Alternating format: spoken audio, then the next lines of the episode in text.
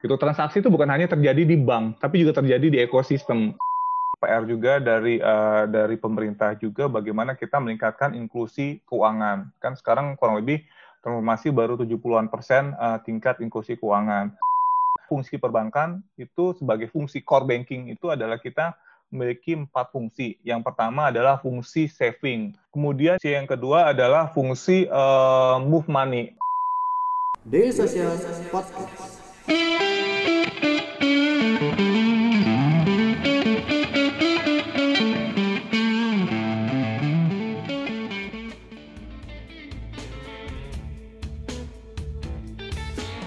Oke, selamat siang, selamat pagi, selamat sore, selamat malam, uh, selamat apa pun itu bagi teman-teman yang mendengarkan podcast Daily Sosial kali ini. Uh, selamat datang di ngobrolin startup. Uh, tema kali ini cukup spesial karena sebelumnya di uh, selama WFH ini ngobrolin startup biasanya kita uh, menayangkan atau menampilkan obrolan-obrolan uh, dari sesi uh, salah satu startup virtual audionya, tapi di sesi uh, kali ini kita uh, berkesempatan kesempatan untuk ngobrolin tentang pemanfaatan API perbankan dalam pengembangan ekosistem startup digital. Nah, sudah hadir uh, di podcast kali ini ada Pak BD Budi Prasetyo uh, dari Bank Mandiri yang akan memberikan banyak insight tentang bagaimana API dari perbankan bisa menunjang produktivitas startup, khususnya untuk uh, menjadi bagian di produk digital teman-teman uh, sekalian. Nah, uh, di podcast-podcast daily sosial ini biasanya uh, banyak sekali teman-teman founder baik itu dari CEO, CTO atau CPO yang mendengarkan.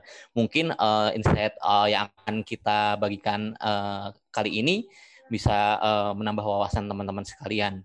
Nah, sudah hadir bersama kita di sini Pak Budi. Halo Pak Budi, apa kabar? Halo Mas Randi, baik, kabar baik. Gimana Mas Randi? Baik juga ya? Pak. Ya, masih WFH Pak. Masih campur-campur mas, WFA, WFO. Ya sama aja pak berarti ya. Oke, okay, mungkin sebelum masuk ke substansi uh, materi kita pada kali ini, mungkin Pak Budi bisa memperkenalkan diri terkait dengan Pak Budi dan posisinya di perusahaan. Silahkan Pak. Oke, okay, baik. Terima kasih Mas Andi. Oke, okay, uh, eh, sekarang saya uh, menjabat uh, sebagai uh, Vice President di uh, Bank Mandiri uh, di VP Digital Banking uh, Group. Uh, jadi uh, apa sih yang kerjaan saya? Tentu saja kita uh, kalau ngomongin digital banking untuk membahas bagaimana proses di, di digitalisasi di sisinya perbankan. Seperti itu. Jadi kalau saya sendiri sudah di Bank Mandiri sudah cukup lama juga, sudah hampir uh, 15 tahunan gitu. Jadi uh, apa sudah cukup mendarah daging lah kalau di Bank Mandiri. Dan uh, di, di, di dunia digital saya kurang lebih sudah dari tahun 2010-an eh, gitu. Jadi hampir 12 tahunan juga gitu uh, berkecimpungan di dunia digital. Jadi cukup apa uh, cukup mendampingi perubahan ya. cukup uh, apa uh, mendampingi perubahan yang ada di uh, dunia perbankan khususnya di digital. Seperti itu. Itu Mas Randy. Oke, terima kasih Pak buat perkenalannya. Uh, mungkin sebelum kita masuk terkait dengan API, mungkin uh, Pak Budi bisa menceritakan kali ya uh, sebagai Bank Buku 4 yang uh, sudah lama berdiri dan nasabahnya udah ada puluhan juta. Sebenarnya bagaimana sih uh, Bank Mandiri itu melakukan transformasi digital, Pak? Oke, siap. Uh, transformasi digital tuh memang uh, apa kita udah lakukan udah cukup lama gitu kan. Uh, karena kenapa? Karena memang uh, tren perubahan itu sudah sudah ada juga sudah cukup lama. Seperti itu. Kalau kita lihat saat ini uh, uh, berdasarkan data gitu kan uh, kemarin juga dapat share juga dari teman-teman uh, kata data itu bahwa di Indonesia ini dengan populasi sekarang 270-an juta penduduk kalau kita lihat uh, sekitar uh, hampir uh, uh, 50-an 60-an persennya itu uh, akses ke internet gitu kan. Dan uh, dengan menggunakan uh, mobile device gitu. Dan kurang lebih sekitar 33 persennya itu akses ke uh, aplikasi financial institution seperti itu. Baik itu uh, bank maupun uh, fintech. Kalau kalau kita hitung apa kurang lebihnya secara uh, apa secara absolute number kalau tadi penduduk Indonesia sudah 270-an, untuk uh, fintech maupun banking apps itu kurang lebih 40 jutaan. Gitu. Nah, kalau kita lihat compare nih, banking apa uh, user baik itu Mandiri maupun other bank maupun juga teman-teman fintech angka 40 uh, memang cukup uh, cukup fantastis juga uh, buat Indonesia untuk penggunaannya apa penggunaan aplikasi ini seperti itu. Nah, dari dari tren itu kita juga ngelihat nih dari data juga kita uh, lihat bahwa tren ekonomi digital di Indonesia itu juga termasuk yang cukup besar di ASEAN seperti itu bahkan terbesar uh, berbarengan dengan Vietnam. Kurang lebih kita di tahun 2020 ini angka ekonomi digitalnya kurang lebih sekitar 44 uh, uh, miliar dolar ya, 44 miliar dolar. Dan dari situ kontribusi terbesar ada di e-commerce gitu. Jadi uh, kita ngelihat memang tren ke arah sana itu apa di e-commerce uh, inline juga nih apalagi dengan kondisi Covid sekarang ini. Seperti itu. Nah, dari Bank Mandiri sendiri kalau namanya transformasi kita itu kan ada nggak bisa langsung tiba-tiba langsung berubah gitu kan dari sesuatu yang tidak ada menjadi ada gitu pasti ada butuh proses segala macam nah kalau kita uh, sebutkan sebagai part of uh, transformasi mungkin kita harus membagi antara uh, back end prosesnya dulu kemudian terkait dengan uh, apa uh, produknya seperti apa dan terakhir adalah channel seperti itu nah di Bank Mandiri kita punya punya pendekatan apa uh, empat pendekatan untuk transformasi digital gitu. Yang pertama kita itu melakukan pendekatan terkait dengan uh, digital channel platform. Ini yang kita sebut sebagai transformasi di back end. Bagaimana kita uh, mengupgrade sistem kita supaya tadi uh, uh, siap menghadapi transaksi digital yang cukup robust seperti itu dengan potensi dari penduduk Indonesia yang yang maksudnya first step untuk di-adapt kurang lebih di 40 juta itu berarti kita harus mempersiapkan core banking juga yang bagus. Kemudian uh, untuk uh, menghadapi proses uh, apa uh, approval kredit khususnya approval kredit retail supaya cepat, tentu kita juga harus mengupgrade proses uh, bisnis proses untuk uh, pengajuan kredit tersebut. Nah, itu salah satu contoh bagaimana kita bertransformasi di back end gitu. Nah, kemudian uh, kita tadi balik lagi yang poin yang kedua transformasi apa lagi sih yang harus kita siapkan yang keduanya adalah transformasi di produk gitu kalau disebut dengan produk kalau produk itu kalau di bank itu ada ada aset ada liabilities ada apa produk funding produk lending seperti itu nah uh, tentu bagaimana produk ini kita bisa menganggap sebagai produk yang digital native produk jadi benar-benar dari awal lahirnya produk itu dan bagaimana kita onboard customer kemudian customer itu melakukan uh, transaksi atau maintenance terhadap produk itu sehingga sampai produk itu close pun harusnya bisa secara digital seperti itu. Nah, dalam proses beberapa waktu ini juga Bang Mari sudah mempersiapkan bagaimana kita benar-benar mempersiapkan yang produk yang uh, adapt terhadap uh, proses digital ini seperti itu. Nah, yang ketiga kita ada namanya terkait dengan channel. Tadi kan ada back end, kemudian di produknya, kemudian dengan channel.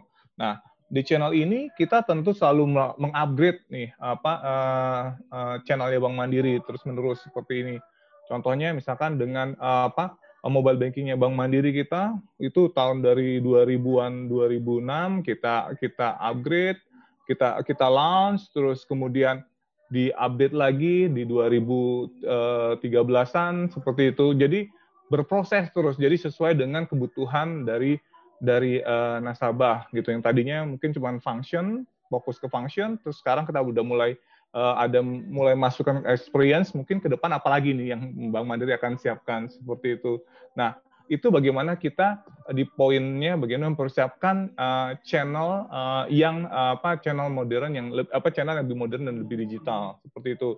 Dan tentu saja kalau ngomongin namanya channel sekarang uh, bukan uh, apalagi ya kalau ngeliatin apa uh, identifikasi bank 4.0 itu transaksi itu bukan hanya terjadi di bank tapi juga terjadi di ekosistem. Seperti itu.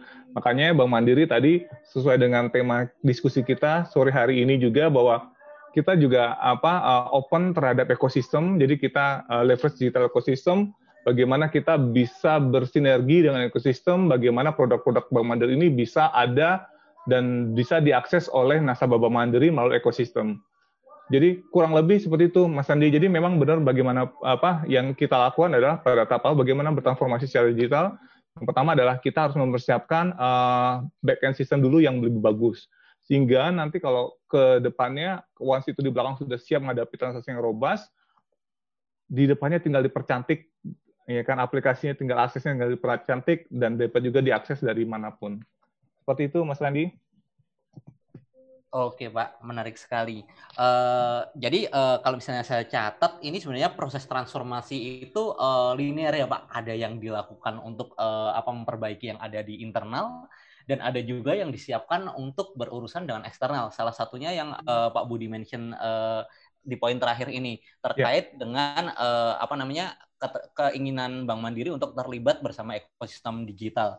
Yeah. Nah, Berarti uh, kalau misalnya dari kacamata Pak Budi dan Bank Mandiri sendiri uh, melihat perkembangan digital yang ada sekarang ini bukan lagi sebagai disub bukan sebagai disruptor gitu ya Pak, tapi lebih uh, sebagai kolaborator. Sebenarnya kalau misalnya lebih detail bagaimana uh, Bank Mandiri dan khususnya uh, Pak Budi melihat uh, disrupsi digital yang ada di uh, Indonesia saat ini.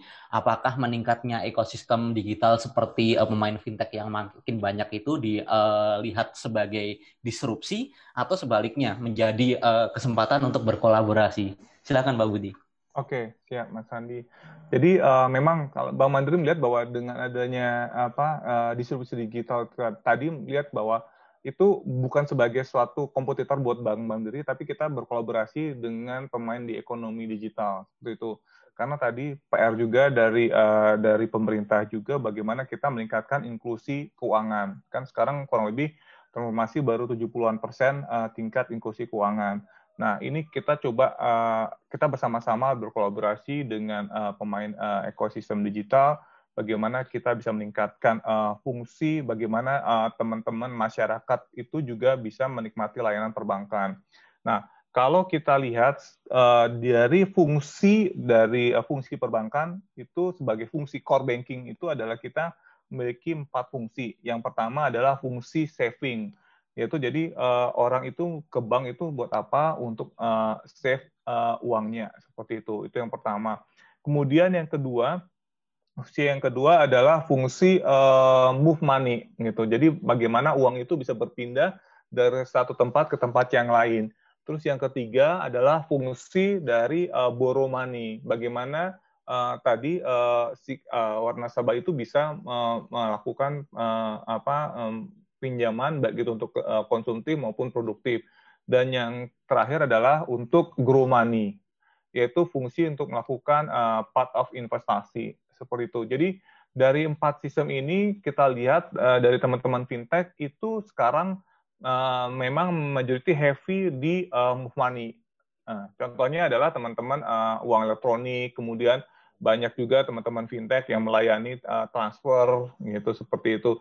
Jadi uh, kita melihat uh, itulah sekarang apa teman-teman fintech mulai masuk lebih ke arah sana. Terus kemudian yang berikutnya adalah uh, area yang uh, yang di uh, sasa teman-teman fintech adalah yang di boromani gitu. Nah, di uh, boromani itu contohnya banyak bermunculan teman-teman uh, peer-to-peer lending. Kurang lebih sekarang kan ada uh, 150-an uh, peer-to-peer lending yang terdaftar di OJK gitu. Nah, sementara kalau save money dan grow money memang belum banyak karena cost of money uh, memang mungkin nggak ada. Karena tapi balik lagi uh, teman-teman fintech masih berapa mulai masih pada basicnya adalah sebagai uang elektronik dan uang elektronik itu kan bukan sebagai uh, apa uh, dana simpanan. Seperti itu.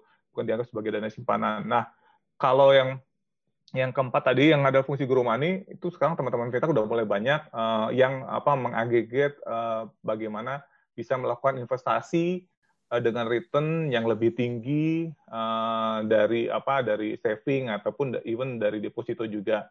Jadi mulai banyak yang aggregate uh, apa penjualan reksadana, penjualan apa uh, bond retail seperti itu. Nah, perannya bank di di situ di mana gitu. Nah, kalau namanya move money gitu, bank itu kita mensupport bagaimana kita bisa memberikan service si teman-teman fintech ini bisa membantu memindahkan dana customernya dari satu titik ke titik yang lain dengan service yang Bank Mandiri provide seperti itu. Nanti ini juga akan terkait dengan servisnya uh, API transfernya Bank Mandiri bisa dipergunakan oleh teman-teman fintech yang menggunakan itu seperti itu. Atau juga misalkan teman-teman uh, fintech yang terlibat dalam uang elektronik. Nah di bank ini kita mensupport untuk uh, top up-nya seperti itu itu terkait dengan uh, perannya bank kita berkolaborasi di mana. Nah kalau borrow money macam-macam seperti itu.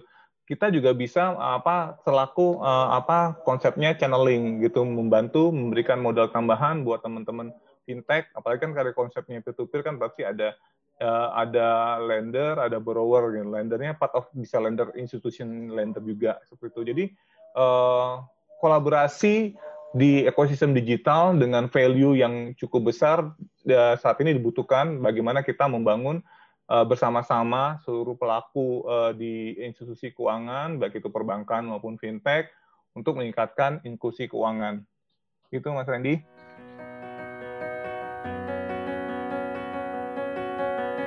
Dek, ngobrol yuk.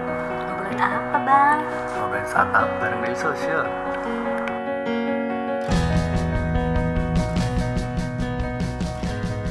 Daily Social Podcast. Oke, menarik sekali. Ternyata sebenarnya di satu sisi kalau misalnya melihat segmentasi konsumen itu agak berbeda ya Pak ya antara yang uh, sebenarnya ditargetkan utama oleh perbankan sama yang uh, oleh para pemain fintech ini. Dan di sisi lain sebenarnya perbankan bisa uh, masuk juga ke dalam ekosistem fintech itu. Salah satunya menjadi uh, institutional lender yang tadi Pak Budi sebutkan. Ya. Ya.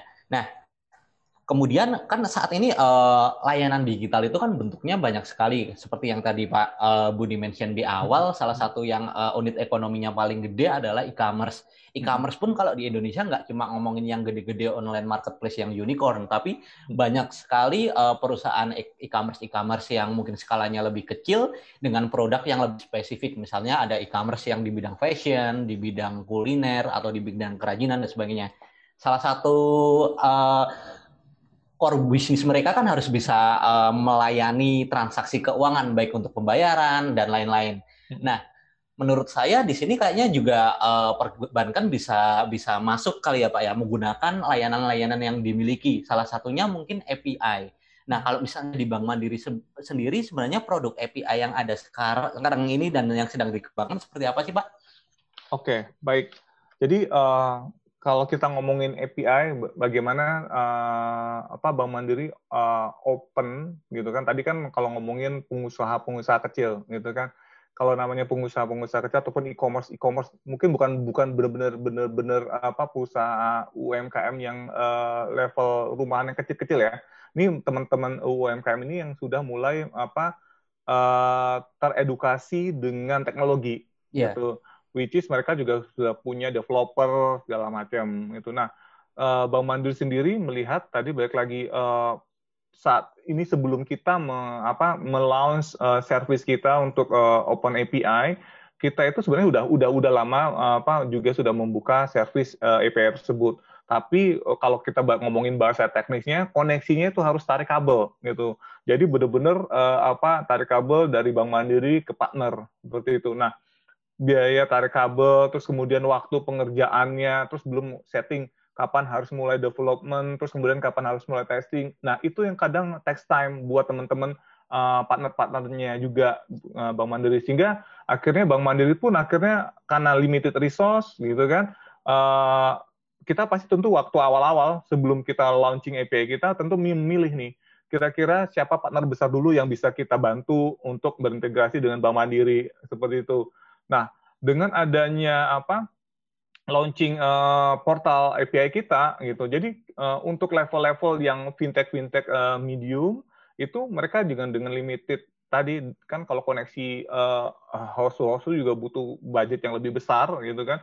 Nah, dengan adanya Open API ini kita bisa membantu si teman-teman uh, si fintech ini untuk akses langsung ke uh, portal kita gitu di portalnya Bank Mandiri itu developer.bankmandiri.co.id gitu. Jadi teman-teman uh, fintech ini bisa langsung uh, akses ke sana gitu untuk meregister, meregistrasikan kira-kira kemudian dia akan memilih service apa yang akan uh, yang akan di apa dipilih gitu. Use case apa sih yang akan di provide seperti itu.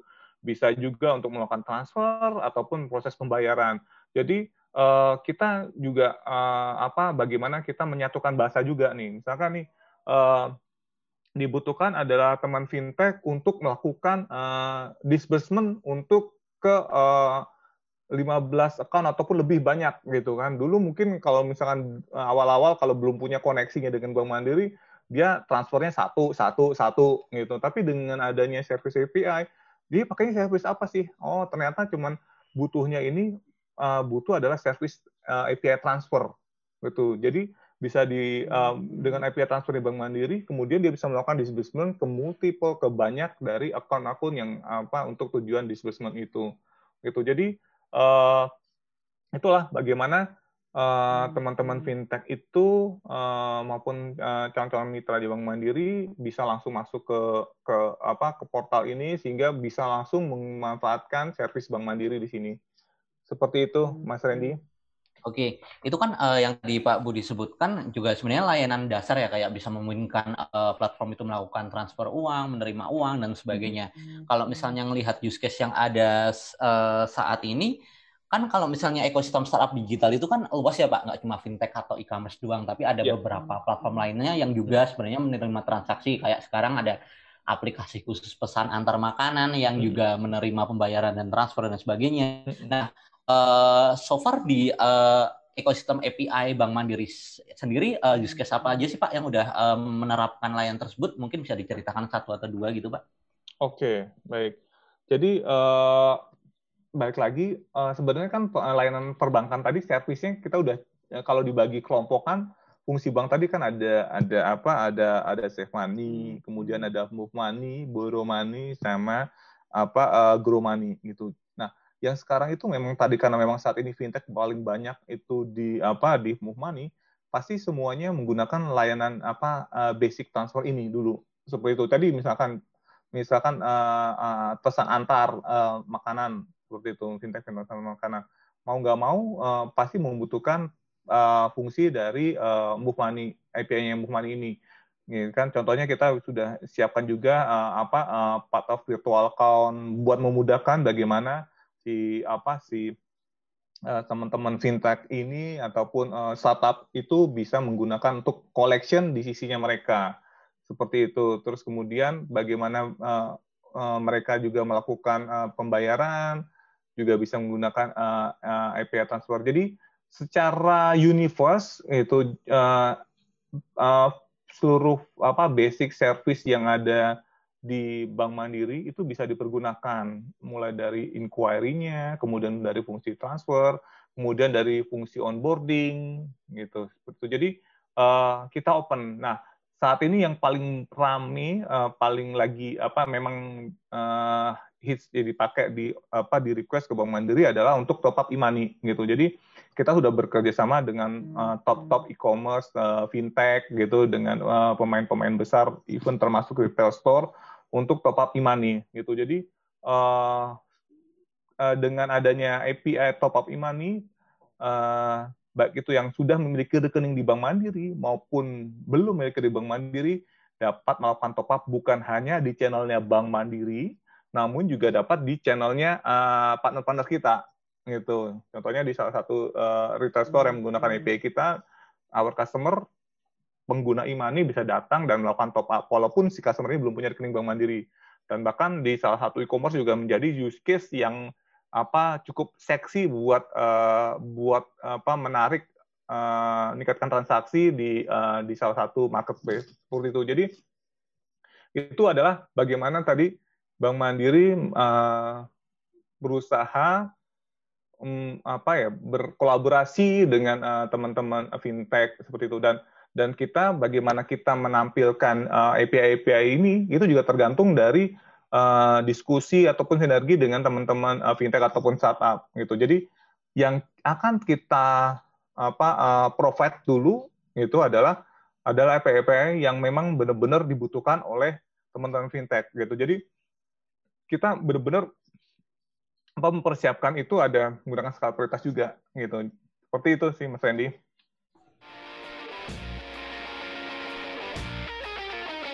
Jangan lupa subscribe Ngobrolin Startup Daily Social Podcast di SoundCloud, Spotify, atau aplikasi podcast favorit kamu.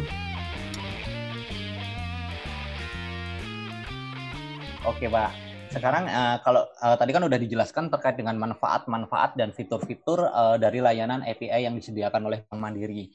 Lalu terkait dengan bentuk kerjasamanya, kalau dengan startup itu seperti apa sih Pak? Misalnya ada startup X mau uh, implement API Mandiri di uh, aplikasinya, itu harus datang ke mana dan harus bagaimana Pak?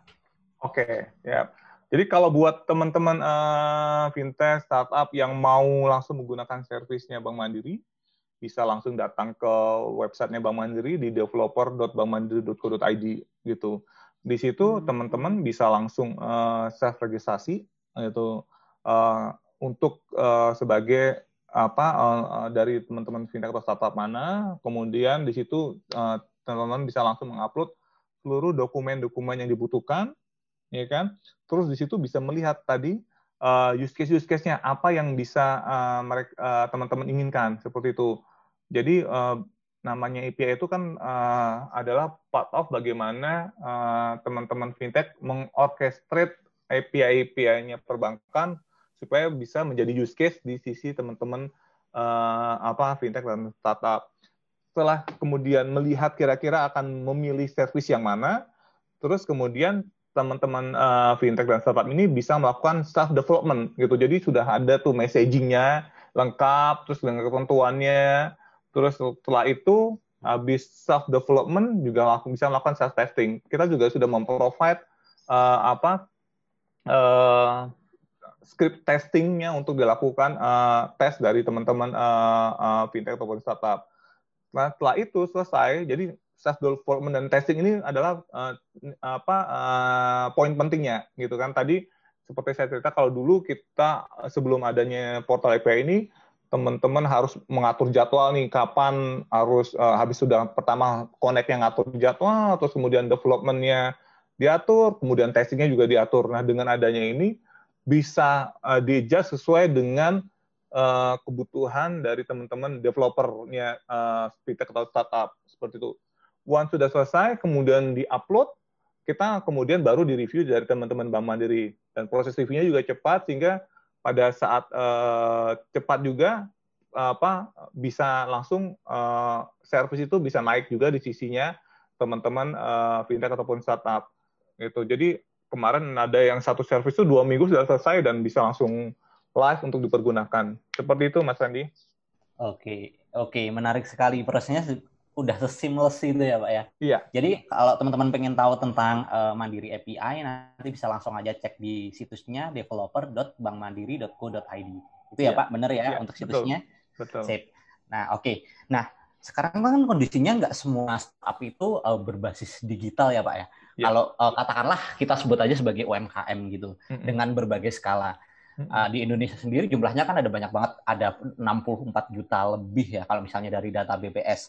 Nah, dari uh, produk-produk Bank Mandiri entah itu API atau yang lain, bagaimana sih uh, apa namanya perusahaan ini mendorong para UMKM itu turut bertransformasi digital sesuai yang dilakukan oleh uh, di internal perbankan? Karena saya yakin dengan mereka bertransformasi seperti itu juga akan menguntungkan dari sisi uh, perbankan-perbankan yang juga uh, merilis layanan secara digital. Oke, sip.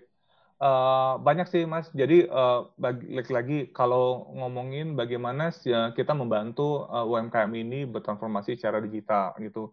Jadi uh, Bank Mandiri pun uh, apa dan juga BUMN lain juga kita memiliki program bagaimana kita bisa membuat UMKM tersebut naik kelas seperti itu. Naik kelasnya itu benar-benar uh, bagaimana uh, naik kelas dalam artian bisa uh, selain di offline kita coba dorong apabila pernah produk-produk itu layak untuk bisa masuk ke digital ya kan? Mulai dulu masuk ke platformnya marketplace ya kan? Terus kemudian uh, di situ juga kita ajarkan bagaimana uh, apa mulai dari packagingnya kemudian habis itu dari bagaimana angle foto yang bagus supaya menarik segala macam. Itu juga kita lakukan gitu. Dan once itu sudah udah masuk ke marketplace ke dunia online gitu kan? Terus kemudian si uh, UMKM ini juga bisa mulai uh, mendapatkan modal gitu khususnya misalkan uh, setelah setelah cukup bankable lah bahasanya buat perbankan yang udah cukup bankable maka bisa mengajukan modal. Nah mengajukan modal pun sekarang mandiri juga uh, bisa mengajukan secara digital gitu. Jadi nggak perlu face to face gitu. Jadi di apa uh, di beberapa top e-commerce gitu di marketplace kita sudah memprovide uh, pengajuan uh, pinjaman secara digital. Jadi UMKM UMKM ini yang sudah berhasil jualan di online, terus kemudian butuh modal besar lagi supaya omsetnya bertambah, dia tinggal mengajukan dan tanpa perlu uh, bertemu dengan uh, pihak dari Bank Mandiri, kita langsung uh, apa uh, apa menganalisa dan mengeprove prosesnya itu juga kurang dari 24 jam hingga uh, dananya bisa cair dan dipergunakan untuk uh, bisnisnya seperti itu. Jadi uh, Bank Mandiri sendiri itu juga uh, bagaimana kita mendukung UMKM itu supaya bertransformasi digital. Tadi mulai dari hal yang basic, bagaimana kita bisa mengedukasi si UMKM tersebut supaya bisa apa uh, masuk ke dalam digital apa uh, digital uh, environment gitu kan supaya ready habis ready baru kemudian dia juga bisa mulai mengembangkan uh, bisnisnya seperti itu Mas Randy. Oke, mungkin uh, saya masuk ke pertanyaan terakhir nih Pak. Uh, ini kan tema kita kan digitalisasi ya, uh, digitalisasi sebuah proses bisnis di startup maupun UMKM. Nah, mungkin kita uh, teman-teman uh, kita sebagai pelaku startup, uh, baik pelaku KM juga pengen belajar nih dari uh, Bank Mandiri. Kalau dari hasil transformasi digital atau digitalisasi yang udah dilakukan Bank Mandiri itu seperti apa sih Pak dampaknya untuk uh, apa namanya uh, FI uh, proses operasional bisnis maupun efisiensi diisi uh, di sisi konsumennya Pak hasil dari transformasi tersebut. Oke, siap. Jadi kalau ngomongin transformasi digital, baik lagi kita tuh berusaha bagaimana namanya digital itu adalah uh, uh, apa uh, basic prinsipnya itu kita desain for no operation gitu kan. Jadi uh, kita benar-benar mengurangi uh, apa proses-proses uh, operasional yang manual seperti itu. Nah, kalau tadi kita sudah sudah uh, saya mention tadi di awal bahwa Bank Mandiri itu apa bertransformasi digital melalui uh, apa empat pendekatan gitu kan. Tadi kalau kita ngomongin uh, pendekatan yang di back end dulu nih, kira-kira nih apa sih efeknya? Terhadap uh, uh, transformasi digital di back end di uh, internal platform. Yang pertama adalah uh, contohnya adalah uh, kita dengan adanya mengupgrade proses uh, reengineering proses loan retail gitu, kita bisa uh, meningkatkan percepatan proses aplikasi yang tadinya 7 sampai 14 hari kerja gitu itu bisa lebih cepat bisa sampai satu hari kerja kemudian dan prosesnya lebih banyak auto decision gitu jadi uh, kurang lebih sekarang eh, uh, 70% sudah melakukan auto decision seperti itu. Itu kita ngomongin hmm. terkait uh, yang ada di back end uh, efeknya, ya kan. Terus kemudian terkait dengan uh, produk, gitu kan. Produk. Nah, tadi bagaimana kita bisa membuat produk yang uh, yang yang sesuai dengan digital. Jadi kalau digital gimana? Berarti pressentless, gitu kan. Pressentless seperti apa? Ya berarti tanpa kehadiran. Nah, sekarang kita juga uh, pas bersama juga dengan COVID, kita luncurkan juga uh, nasabah calon nasabah itu tidak perlu datang ke cabang gitu. Tinggal tinggal apa langsung akses dari join.mandiri.co.id bisa langsung membuka rekening gitu. Itu uh, bagaimana uh, efeknya juga sehingga walaupun saat ini kondisi beberapa cabang ditutup karena apa kondisi Covid seperti itu, namun proses uh, produktivitas uh, untuk pembukaan rekening juga masih terjaga seperti itu. Itu yang terkait dengan produk. Nah, kemudian kalau channel tadi. Nah, channel bagaimana sih supaya tadi ini pasti kalau namanya channel benar-benar uh, apa berusaha meningkatkan uh, apa uh, uh, produktivitas ya kan meningkatkan efisiensi juga. Nah, saat ini kita sudah uh, kalau ngomongin channel kan tadi on channel dan uh, tepati channel gitu. Kalau on channel sendiri kita sudah uh, apa uh, 96 persen uh, dan bahkan sudah uh, apa naik lagi ini transaksi sudah berada digital gitu. Jadi benar-benar sekarang uh, apa sudah uh, dengan transformasi digital dan di uh, di apa didorong juga dengan kondisi Covid sehingga uh, peningkatannya juga cukup signifikan gitu untuk uh, mulai mereka uh, nasabah-nasabah kita menggunakan channel digital di our own channel gitu. Dan kita juga memprovide dengan multiple use case gitu. Bukan cuma satu dua tapi Bank Mandiri kita memiliki 1.800an biller gitu. Ini cukup paling banyak use case untuk proses pembayaran gitu di aplikasi mobile banking kita. Terus kemudian yang terakhir kalau ngomongin third channel yaitu tadi dengan uh, topik diskusi kita hari ini itu memberi Bank Mandiri memberikan kemudahan supaya tadi uh, baik itu fintech startup uh, uh, bisa langsung connect dan menggunakan service Bank Mandiri sehingga nasabah Bank Mandiri bukan hanya bisa menikmati service di uh, channelnya Bank Mandiri tapi juga bisa di uh, channelnya uh, mitra kita. Seperti itu Mas Randy. Oke, thank you sekali Pak Budi buat penjelasannya bagi teman-teman uh, founder atau startup atau pelaku UKM uh, jangan ragu lagi kalau misalnya ingin uh, melengkapi layanannya dengan sistem pembayaran atau sistem finansial yang seamless bisa memanfaatkan layanan API yang disediakan oleh Bank Mandiri. Karena uh, dari sisi Bank Mandiri sendiri tadi Pak Budi sudah menjelaskan bahwa uh, mereka memandang ekosistem kita itu bukan sebagai kompetitor tapi justru kita pengen tumbuh bersama-sama jadi harapannya uh, dengan diskusi ini juga bisa membuka peluang bagi teman-teman startup untuk bisa uh, meningkatkan kolaborasinya dengan uh, perusahaan-perusahaan besar yang udah ada di Indonesia. Demikian podcast kali ini. Terima kasih sekali. Sampai jumpa di podcast selanjutnya. Thank you Pak Budi. Mbak Terima kasih Mas Randi.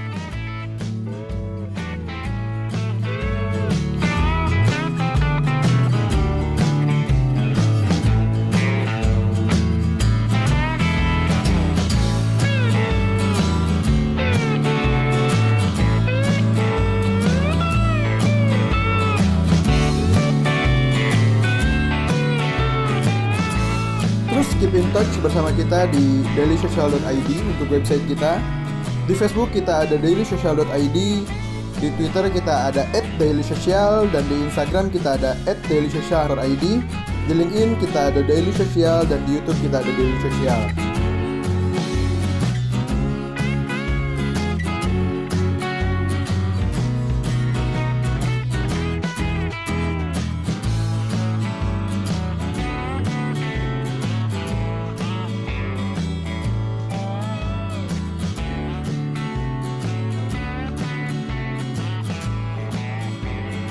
Social Podcast.